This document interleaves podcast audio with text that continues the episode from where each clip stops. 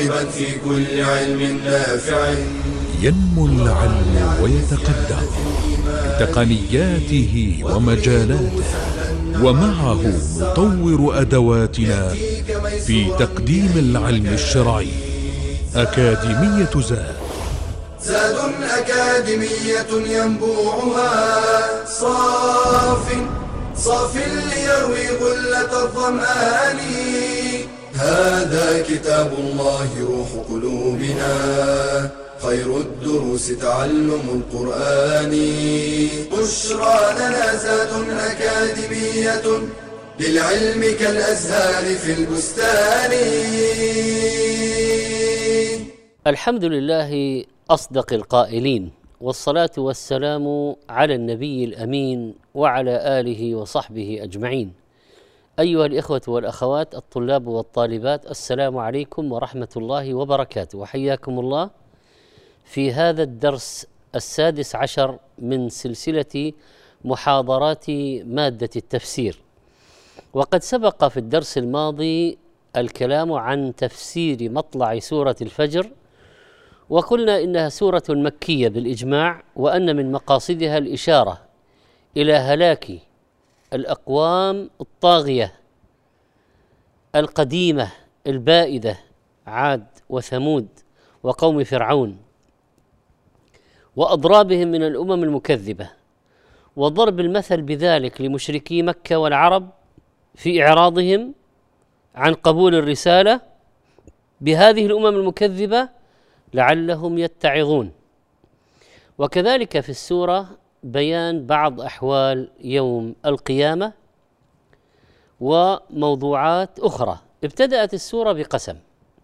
أقسم الله تعالى بالفجر وبالليالي العشر. والفجر فجر الصبح. وقال بعض المفسرين هو النهار كله وقال بعضهم صلاة الفجر وقيل غير ذلك. والليالي العشر هي عشر ذي الحجة. في قول جمهور المفسرين من السلف والخلف ثم أقسم تعالى بالشفع والوتر وجاء في ذلك أقوال عن المفسرين. فقال بعضهم إن الشفع يوم النحر لكونه العاشر والوتر يوم عرفة لكونه التاسع. ورجح الإمام الطبري رحمه الله شيخ المفسرين أن الآية تتناول كل ما يصدق عليه أنه شفع ووتر وتحمل آه، على ما أمكن من المعاني الصحيحة. وقوله تعالى والليل إذا يسري يعني إذا سار فذهب فأقسم تعالى بالليل وقت سريانه وإرخاء ظلامه على العباد فيسكنون ويستريحون رحمة منه وحكمة. ثم بين تعالى أن هذه الأشياء المقسم بها أشياء عظيمة. تكفي وتقنع كل صاحب عقل يعقل عن الله مراده تقنعه بقدرة الله وحدانية الله. هل في ذلك قسم لذي حجر يعني لذي عقل؟ قلنا هل للتوكيد إن في ذلك لقسم لذي حجر؟ وقيل في في هذا أيضا أقوال أخرى. في هذا الدرس نكمل بمشيئة الله الكلام في تفسير السورة. ومع قوله تعالى ألم تر كيف فعل ربك بعاد إرم ذات العماد التي لم يخلق مثلها في البلاد؟ الآيات هذه فيها تخويف وتهديد وزجر لأهل مكة من المشركين وفيها إنذار لهم بأنه يمكن أن يقع بهم ما وقع بالأمم المكذبة قبلهم. إذا أصروا على التكذيب فيها تثبيت للنبي صلى الله عليه وسلم ووعد له بالنصر. فيها تسلية له مما يعاني من تكذيب هؤلاء المشركين. وفيها تثبيت للمؤمنين أن الله قادر على إهلاك أعدائهم.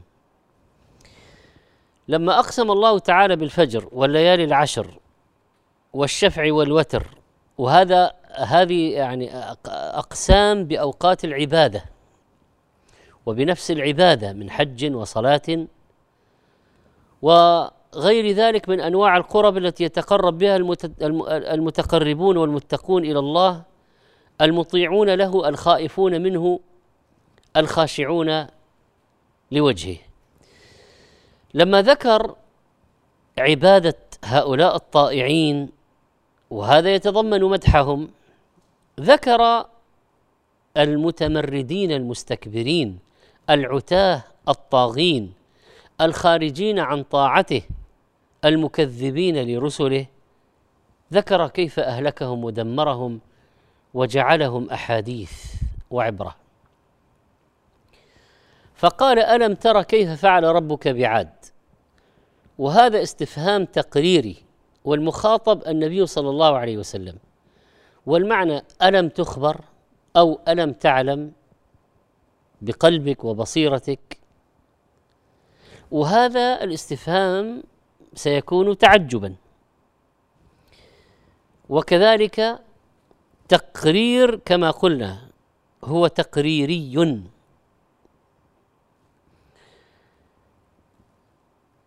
كيف فعل ربك؟ ومالكك وخالقك. كيف أهلك الأمة الطاغية الذين كانوا من أطول الناس اعمارا وأشد البشرية قوة في أجسادهم؟ بعث الله فيهم رسوله هودا عليه السلام فأنذرهم وبين لهم ودعاهم فكذبوه. فأنجاه الله من بين أظهرهم ومن آمن معه وأهلكهم بريح صرصر عاتية. أهلك المكذبين كما قال سبحانه وأما عاد فأهلكوا بريح صرصر عاتية. سخرها عليهم سبع ليال وثمانية أيام حسومة فترى القوم فيها صرعى. كأنهم أعجاز نخل خاوية. فهل ترى لهم من باقية؟ وقد ذكر الله قصتهم في القرآن في عدد من المواضع للعبرة والعظة. وقال هنا ألم ترى؟ ذكر الرؤيا ومعناها العلم يعني ألم تعلم.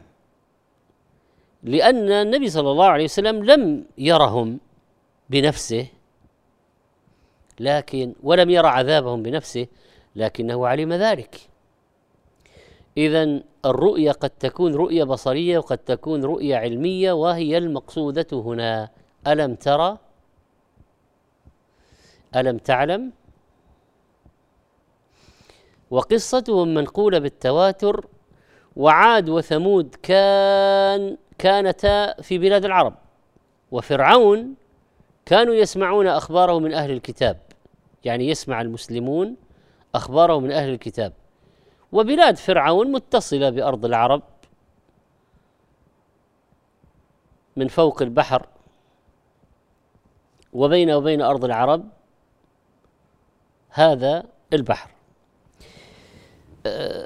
ألم ترى هذا من العلم الضروري يعني العلم المؤكد العلم اليقيني الذي يجري مجرى الرؤية في القوة والثبوت. ألم تر كيف فعل ربك؟ هذه لها معنى. غير معنى ألم تر كيف فعل الله مثلا. ربك فيها إشارة إلى أنه ربك الذي ينتصر لك ويتولاك. ربك الذي معك. ربك أهلكهم وهو قادر على إهلاك أعدائك. ثم وصف الله تعالى عادا فقال إرم ذات العماد.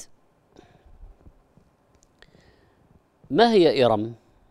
قيل بيت مملكة عاد وقيل القبيلة نفسها وقيل قبيلة من عاد وقيل بلدة كانت عاد تسكنها وقيل إرم اسم جدهم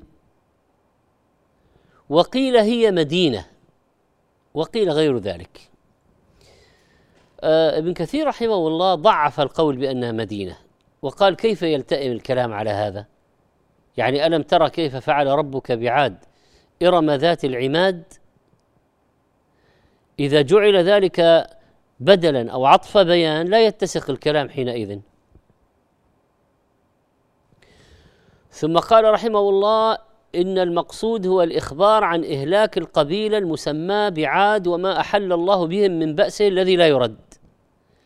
وليس الإخبار عن مدينة أو إقليم.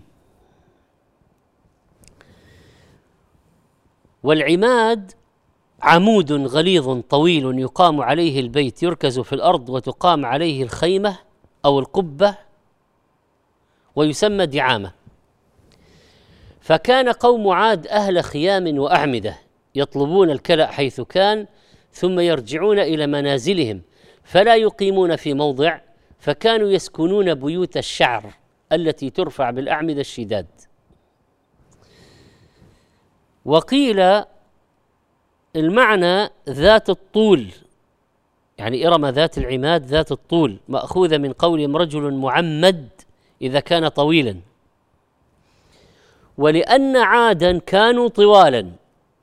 قيل كان طول الرجل منهم 12 ذراعا. وقيل ذات العماد ذات عاد يعني القبيلة ذات القوة والشدة والعتو والتجبر مأخوذ من قوة الأعمدة. كما في الطبري والنكت والعيون والبغوي وزاد المسير والقرطبي وابن كثير وغيرهم. ولهذا قال تعالى وغيرهم. ولهذا قال تعالى في وصفهم التي لم يخلق مثلها في البلاد. يعني مثل هذه القبيلة مثل هذه الأمة لم يخلق مثلها في البلاد في الطول والقوة والشدة. لم يخلق مثلها في الأرض أو في زمانهم. فإذا لم يخلق مثلها يعني مثل هذه القبيلة لم يخلق كأجسادهم وهم الذين قالوا من أشد منا قوة. فقال الله ردا عليهم في آيات أخرى أو أولم يروا أن الله الذي خلقهم هو أشد منهم قوة؟ وكانوا بآياتنا يجحدون. فأرسلنا عليهم ريحا صرصرا في أيام النحسات لنذيقهم عذاب الخزي في الحياة الدنيا ولعذاب الآخرة أخزى وهم لا ينصرون. وقد قال لهم نبيهم هود واذكروا إذ جعلكم خلفاء من بعد قوم نوح وزادكم في الخلق بسطة فاذكروا آلاء الله لعلكم تفلحون. وقال لهم وإذا بطشتم بطشتم جبارين فاتقوا الله وأطيعون. روي أن الرجل منهم كان يحمل الصخرة العظيمة فيلقيها على الجمع فيهلكوا المعنى الآخر في إرم ذات العماد التي لم يخلق مثلها في البلاد قالوا لم يخلق مثل مدينتهم ذات العماد في جميع بلاد الدنيا لارتفاعها. وابن كثير رحمه الله ضعف هذا القول وقال لو كان أراد ذلك قال التي لم يعمل مثلها أو لم يبنى مثلها في البلاد وإنما قال لم يخلق مثلها في البلاد وهذا خلق الله لأجسادهم لهم يعني للقبيلة. على أي حال هذا زجر لكفار مكة فإنه يقول لهم إذا كان الله قد أهلك الأقوى منكم والأشد منكم فهو قادر على إهلاككم من باب أولى. ثم ذكر الله بعض مظاهر قوة ثمود وقوم صالح عليه السلام وسنعرف ذلك بمشيئة الله بعد الفاصل. نعود إليكم. بشرى أكاديمية للعلم كالأزهار في البستان.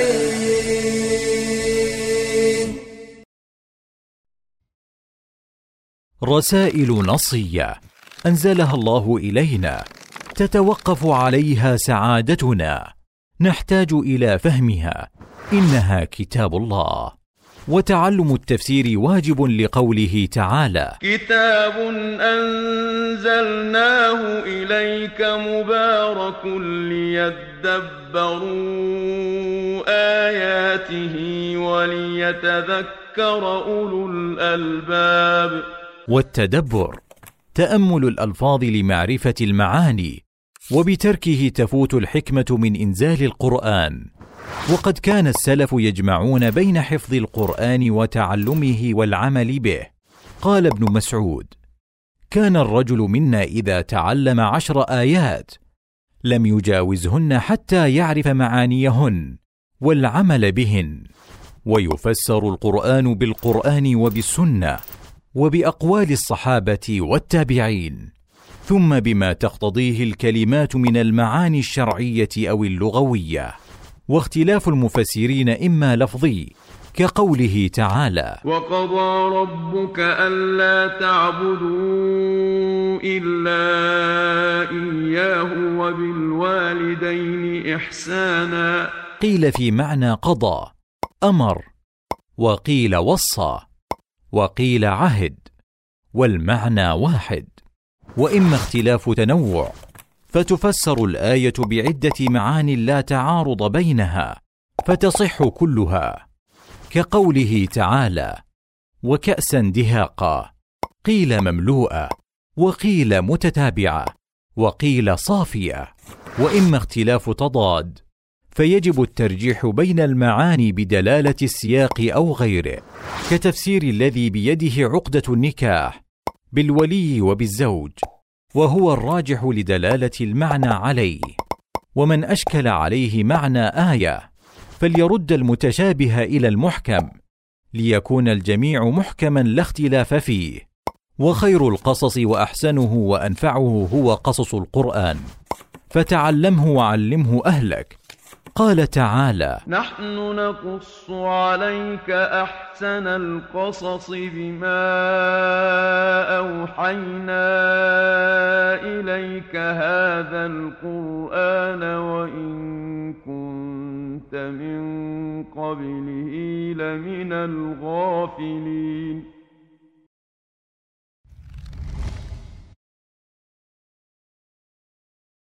بشرى لنا زاد أكاديمية للعلم كالأزهار في البستان.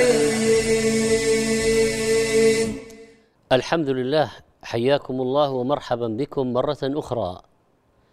ونحن مع هذه الآيات العظيمة في سورة الفجر. ألم تر كيف فعل ربك بعاد؟ إرم ذات العماد التي لم يخلق مثلها في البلاد وثمود. ماذا فعل الله؟ بعاد وثمود. ألم تر كيف فعل بهم؟ أو ماذا فعل بهم أيضا؟ كما وصف عادا وصف ثمود. فقال الذين جابوا يعني قطعوا أو نحتوا الصخر بالواد واتخذوا فيها البيوت. قال تعالى وتنحتون من الجبال بيوتا فارهين حاذقين متكبرين. ويقال في اللغة فلان يجوب البلاد عن يقطع المسافات. وسمي جيب القميص لأنه جيب يعني قطع. ألم تر كيف فعل ربك بعاد إرم ذات العماد التي لم يخلق مثلها في البلاد وثمود الذين جابوا الصخر بالواد؟ منازلهم الوادي وادي القرى. وكان في طريق الماشي من المدينة إلى الشام. وكان يسكنه اليهود لما نزلوا بلاد العرب ونزلوا من قبائل العرب أيضا قضاعة وجهينة. وثمود الذين جابوا الصخر بالواد. وفرعون. ألم ترى ماذا فعل الله به أيضا؟ ألم ترى كيف فعل ربك بعاد وثمود وفرعون ذي الأوتاد من المكذبين؟ ذي الأوتاد صاحب الجنود والعساكر والجموع والجيوش التي تشد ملكه وتثبته كما تثبت الأوتاد البناء أو الخيمة. وقيل كان يعذب الناس بالأوتاد ويشدهم بها إلى أن يموتوا تجبرا منه وظلما. كما فعل بالماشطة على ما قيل وبامرأته آسيا لما أصرت على الإيمان وهذا اختيار ابن جرير الطبري رحمه الله. وقيل إنه ربطها بالأوتاد في أسفل الوادي وأرسل عليها صخرة من أعلى الوادي فشدختها فذهبت شهيدة إلى ربها وقد دعته أن يبني لها عنده بيتا في الجنة. وقيل في تفسير ذي الأوتاد كانت له صخرة ترفع بالبكرات ثم يؤخذ الإنسان فتوتد له أوتاد الحديد ثم ترسل تلك الصخرة عليه فتشدخه. وهذا لعنه الله وأهلكه وذهب وصار خبرا وموعظة لمن بعده. قال عز وجل الذين طغوا في البلاد إذا جميع من تقدم. عاد وثمود وفرعون. ألم ترى كيف فعل الله بهم؟ وقد طغوا في البلاد فأكثروا فيها الفساد؟ طغوا في أرض الله. ظلموا تجبروا عملوا بالمعاصي قتلوا تمردوا آذوا أفسدوا في البلاد بالكفر وبالعدوان. وسعوا في محاربة الرسل وصد الناس عن سبيل الله. فأكثروا فيها الفساد الفساد ضد الصلاح. كما أن الصلاح يتناول جميع أقسام البر والخير الفساد يتناول جميع أقسام الإثم والشر. فمن عمل بغير أمر الله وحكم في عباده بالظلم فهو مفسد. وقيل إن قوله تعالى الذين طغوا يعود إلى فرعون وقومه والأقرب أنه يعود إلى جميع من تقدم ذكر من الأمم المكذبة الثلاثة. فلما بلغ هؤلاء المكذبون العتاة من العتو ما استوجب إهلاكهم غضب الله عليهم. فلما آسفونا انتقمنا منهم وصب عليهم سوط صب عليهم سوط عذاب. صب عليهم أي أفرغ وألقى. السوط معروف آلة الضرب. تتخذ من جلود مضفورة. صب عليهم سوطا من العذاب أو لونا من العذاب وليس كل العذاب الذي عنده. وكانت وكان عذابهم كضربة بالسوط سريعة. فالمقصود بيان سرعة العذاب. وقيل سوطا ونوعا ولونا من العذاب. فما هو لون عذاب قوم عاد؟ الريح العاتية. ما هو لون عذاب قوم ثمود؟ الصيحة المهلكة. ما هو لون عذاب قوم فرعون؟ فرعون ومن معه؟ الإغراق. وفسره بعضهم سوط عذاب جزء من العذاب لأن لأن البقية ستأتي في الآخرة. كان الحسن البصري رحمه الله إذا قرأ هذه الآية قال إن عند الله أسواطا كثيرة فأخذهم بسوط منها. والتنكير في كلمة سوط سوط للتعظيم. يعني أرسل عليهم سوط عذاب وليس كل العذاب الذي عنده. فاستأصلهم وأبادهم وأهلكهم عن آخرهم وأفناهم.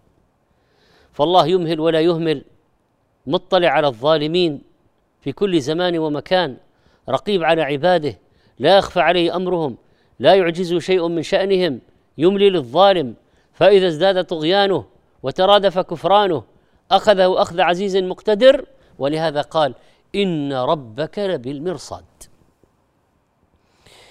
إن ربك يا محمد صلى الله عليه وسلم بالمرصاد لهؤلاء المكذبين. ولأمثالهم. وكما أهلك أولئك يمكن أن يهلك هؤلاء ربك يسمع ويرى ويرصد يطلع لا يفوت شيء من أحوال العباد. وهو سيحكم فيهم ويقابل كلا بما يستحقه. إن ربك لبالمرصاد. طبعا المرصاد في اللغة الطريق والمكان الذي يترقب فيه الرصد وهم الجماعة المراقبون للشيء. وقيل إن ربك لبالمرصاد يرصد أعمال بني آدم حتى يجازيهم بها. وقد أمر ملائكته بكتابتها. وقيل مرجع الخلق إلى حكمه وأمره وإليه المصير. هذا معنى المرصاد. ربك لبالمرصاد. إن ربك لبالمرصاد. وعلى هذين القولين فالآية عامة للمؤمنين والكافرين. ومن المفسرين من يخص هذه الآية بوعيد الكفار أو وعيد العصاة. فالمعنى يرصد من كفر به أو عصاه. فالله تعالى بالمرصاد لكل فاعل. والرصد الذين يقومون في الطرق ويرصدون تحركات العدو المغيرين ونحو ذلك هذا في اللغة يعرفه العرب جيدا. إن ربك لبالمرصاد مطلع على كل شيء. يرى ويحاسب ويجازي وعنده الميزان. هذه الآيات فيها تنبيه وتقريع لمن بعدهم أن لا يعملوا مثل عملهم. لا تطغوا في البلاد مثل طغيان عاد ولا تفجروا كثمود ولا تتجبروا كفرعون انظروا كيف فعل الله بهم. أين الملوك ذو التيجان من يمن؟ وأين منهم أكاليل وتيجان؟ وأين ما شاده شداد في إرم؟ وأين ما ساسه في الفرس ساسان؟ وأين ما حازه قارون من ذهب؟ وأين عاد وشداد وقحطان؟ أتى على الكل أمر لا مرد له حتى قضوا فكأن القوم ما كانوا. وقال بعض الشعراء المسلمين لم تغن عن هرمز يوما خزائنه والخلد قد حاولت عاد فما خلدوا أين الملوك التي كانت لعزتها من كل أوب إليها وافد يفد حوض هنالك مورود بلا كذب لا بد من ورده يوما كما وردوا حياض الموت.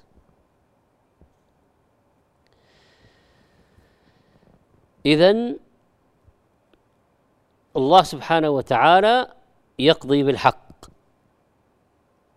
وحكمه عدل. والله متى ما أراد إهلاك الظالمين يهلكهم. ولو يشاء الله لانتصر منهم ولكن ليبلو بعضكم ببعض. فلو أخر ظالما ليمليه ليزداد إثما فيأخذه. وكذلك ليبتلي به فيكون من المؤمنين شهداء ويظهر من يثبت ومن لا يثبت. فنسأل الله أن ينصر المستضعفين من المسلمين وأن يهلك الظالمين المتجبرين المجرمين. تتمه الكلام على ما تقدم بعد الفاصل إن شاء الله. بشرى لنا أكاديمية للعلم كالأزهار في البستان. القرآن كنز عامر بالفضائل والخيرات. وللوصول إلى فوائد هذا الكنز لا بد من استعمال مفاتيحه وهي آداب تلاوة القرآن. فمنها إخلاص النية لله تعالى. فقد أخبر النبي صلى الله عليه وسلم أن من أوائل من تسعر بهم النار يوم القيامة قارئ للقرآن. يقال له قرأت القرآن ليقال هو قارئ. ومنها التسوك والتطهر من الحدث الأصغر واستقبال القبلة. وعند البدء بالتلاوة يستعيذ بالله من الشيطان. فإذا قرأت القرآن فاستعذ بالله من الشيطان الرجيم. ويرتل القرآن بتمهل وتبيين للحروف. وكان ابن عباس يقول لأن أقرأ سورة أرتلها أحب إلي من أن أقرأ القرآن كله. ويستحب تحسين الصوت بالقرآن. قال النبي صلى الله عليه وسلم زينوا القرآن بأصواتكم. وإذا مر بآية رحمة أن يسأل الله تعالى من فضله وإذا مر بآية عذاب أن يستعيذ بالله من العذاب. ويستحب الاجتماع على تلاوة القرآن وتدبره وتدارسه. فقد قال صلى الله عليه وسلم ما اجتمع قوم في بيت من بيوت الله يتلون كتاب الله ويتدارسونه بينهم إلا نزلت عليهم السكينة وغشيتهم الرحمة وحفتهم الملائكة وذكرهم الله في من عنده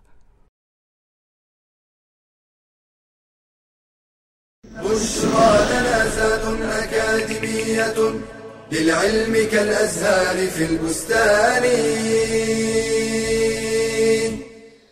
حياكم الله والحمد لله والصلاة والسلام على رسول الله. بعد ما استعرضنا هذه الآيات في سورة الفجر. ألم تر كيف فعل ربك بعاد إرم ذات العماد التي لم يخلق مثلها في البلاد وثمود الذين جابوا الصخر بالواد وفرعون ذي الأوتاد الذين طغوا في البلاد فأكثروا فيها الفساد فصب عليهم ربك سوط عذاب إن ربك لبالمرصاد. ماذا يقال اليوم أمام هؤلاء المجرمين المتجبرين الذين يبغون في الأرض بغير الحق ويقتلون المسلمين ويقصفونهم ويذبحونهم ويستولون على آه، بلادهم ويخرجونهم من ديارهم ويسفكون دماءهم ويغتصبون. ماذا يقال عنهم وقد فعلوا الأفاعيل؟ نقول إن ربنا لبالمرصاد. وإن الله قادر على إهلاكهم كما أهلك الأمم المكذبة الأولى. لكن ربنا عز وجل عليم حكيم. يمهل ينظر يؤخر وكذلك يبتلي. ولكن له سنن عز وجل. في عقوبات الأمم التي تمردت على شرعه. والسنن هذه لا تتخلف. يعني لو تأخر العذاب عذاب هؤلاء في نظرنا فإن لهم مع الله موعدا. ليس فقط في الآخرة حتى في الدنيا. ألم يقل الله وإن من قرية إلا نحن مهلكوها قبل يوم القيامة؟ أو معذبوها عذابا شديدا كان ذلك في الكتاب مسطورا. عقاب الأمم الطاغية الباغية المجرمه الكافره مرتبط بسنن إلهية. واليوم عدد من الأمم في الأرض استحقت عذاب الله بما تفعله من الإجرام. وكذلك أخذ ربك إذا أخذ القرى وهي ظالمة إن أخذه أليم شديد. وكأي من قرية أمليت لها وهي ظالمة ثم أخذتها وإلي المصير. آه، عندهم كفر وشرك وظلم وبغي وفسق وفساد. إن الله لا يملي للظالم حتى إذا أخذه لم يفلته. كما حل العقاب على الأمم السابقة يحل على الأمم اللاحقة. إذا طغت وتجبرت. الله قال عن عقوبة قوم لوط وما هي من الظالمين ببعيد؟ وقال دمر الله عليهم وللكافرين أمثالها. اذا إذا فعلوا مثلهم فلننتظر العقوبة التي ستحل بهم. وتتكرر العقوبة بوقوع سببها. انظر إلى قوله تعالى ملعونين أينما ثقفوا أخذوا وقتلوا تقتيلا سنة الله في الذين خلوا من قبل ولن تجد لسنة الله تبديلا. اليوم ينتظر كثيرون أن يحل بالمجرمين عقاب الله ثم لا يرون شيئا يحصل يشكون يتزلزلون يتساءلون. نقول سنته ماضية ولا تتبدل ولا تتغير وستأتي العقوبة ستأتي. عقاب الله للظالمين المتمردين عليه مستمر ولا يتوقف ولا يزال الذين كفروا تصيبهم بما صنعوا قارعة أو تحل قريبا من دارهم حتى يأتي وعد الله. وحتى يأتي أمر الله. قارعة تقرعهم بالبلاء. وسيعلم الذين ظلموا أي منقلب ينقلبون. فنقول الآن كفار اليوم إذا قارناهم بكفار الأمس هل ساروا على سبيلهم أم لا؟ يعني كفار اليوم ما ساروا على منهج قوم عاد في البغي بالأرض بغير الحق وقالوا من أشد منا قوة؟ ما ساروا على نهج قوم ثمود في الظلم والطغيان وبنوا بكل ريع آية يعبثون واتخذوا مصانع لعلهم يخلدون ويبطشون في الأرض جبارين؟ ما مشوا على نهج قوم لوط في الشذوذ والفاحشة بل وصل الأمر إلى تقنينها وحمايتها وتعميمها وتشريع تكوين الأسر من الشاذين والشاذات. ألم يقم هؤلاء كفرة اليوم بالمسير على نهج قوم شعيب في التطفيف والنهب والسلب والاستيلاء على ثروات وخيرات الآخرين؟ ألم يحاربوا الله بالربا؟ وقد قال الله فأذنوا بحرب من الله ورسوله. ألم يستحلوا الفواحش ويسوقوا الحرام والعروض الجنسية حية ومنقولة مصورة و و وفي المسارح العلنية ودور البغاء؟ ألم يقل عليه الصلاة والسلام ما ظهر في قوم الربا والزنا إلا أحلوا بأنفسهم عقاب الله؟ ألم يشرب هؤلاء الخمور؟ وقد قال عليه الصلاة والسلام سيكون في آخر الزمان خسف وقذف ومسخ. قيل ومتى ذلك يا رسول الله؟ قال إذا ظهرت المعازف والقينات واستحلت الخمر. الكبر والاستعلاء والجبروت الذي كان عند قوم عاد وثمود يحصل الآن وأنه أهلك عادا الأولى وثمود فما أبقى وقوم نوح من قبل إنهم كانوا هم أظلم وأطغى. والمؤتفكة يعني قوم لوط أهوى فغشاها ما غشه فقد جمع هؤلاء اليوم كفر السابقين بأنواعه حتى جبروت قوم فرعون واستحياء النساء والأولاد فعلوه. قتل وذبح الأولاد والأطفال فعلوه.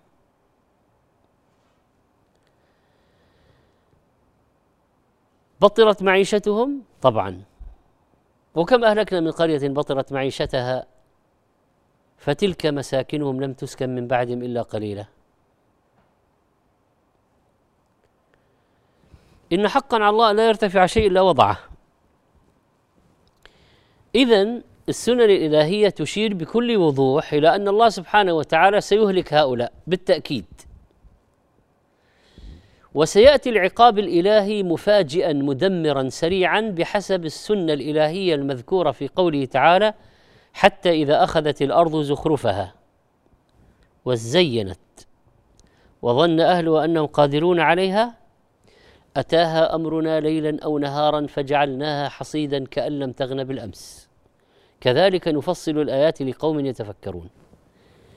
اذا نقول لهم انتظروا إنا منتظرون. وسيعلم الكفار لمن عقبى الدار. و وعد الله آت. ولسنا ببعيدين من حربين عالميتين أكلت أخضرهم ويابسهم بعشرات ملايين القتلى ودمار شامل في مدنهم وعواصمهم. والآن هم أسوأ مما كانوا في ذلك الوقت لما قامت الحروب بينهم. فماذا ستكون النتيجة؟ إذا ب... إذا انتهت الحرب الثانية العالمية بالذري فقد تبدأ بهيدروجيني ونووي الثالثة وقد يصيبهم انهيار مالي تتداعى فيه سائر صناعاتهم وأموالهم وتقوم نتيجة لها الحروب. الله قادر. ولا يعجزه شيء وأصوات العذاب سياط العذاب عند الله متنوعة ومتعددة. فقد تكون حربا بينهم يغريهم يغري سبحانه وتعالى بعضهم ببعض وقد تكون انهيارا اقتصاديا شاملا ومدمرا لهم وقد تكون عاصفة شمسية وقد تكون زلازل وقد تكون أنواع من العذاب. ولذلك ما في شك إطلاقا عند المؤمن أن الله سيأخذهم سيأخذهم قطعا. والمهم بالنسبة للمؤمنين أن يثبتوا على دين الله وأن يطيعوا الله وأن لا يمالئوا أعداء الله حتى لا يأخذهم الله معهم حتى لا يشملهم العذاب. فلنجتنب التجبر والطغيان والبطر والفاحشة. لنتجنب أنواع البخس والتطفيف في المكيال والميزان وكل الأشياء التي كانت سببا في إهلاك تلك الأمم والتي جمعتها هذه كثير من الأمم اليوم. نسأل الله سبحانه وتعالى أن يعز أولياءه وأن ينصر المؤمنين وأن يذل المجرمين وأن يهلكهم. ونسأله سبحانه أن يعز الإسلام والمسلمين. إنه سميع مجيب وصلى الله وسلم على نبينا محمد. يا راغبا في كل علم نافع متطلعا لزيادة الإيمان وتريد سهلا النوال ميسرا يأتيك ميسورا بأي مكان. زاد زاد أكاديمية ينبوعها صاف صاف ليروي غلة الظمآن. هذا كتاب الله روح قلوبنا. خير الدروس تعلم القرآن. بشرى لنا زاد أكاديمية للعلم كالأزهار في البستان.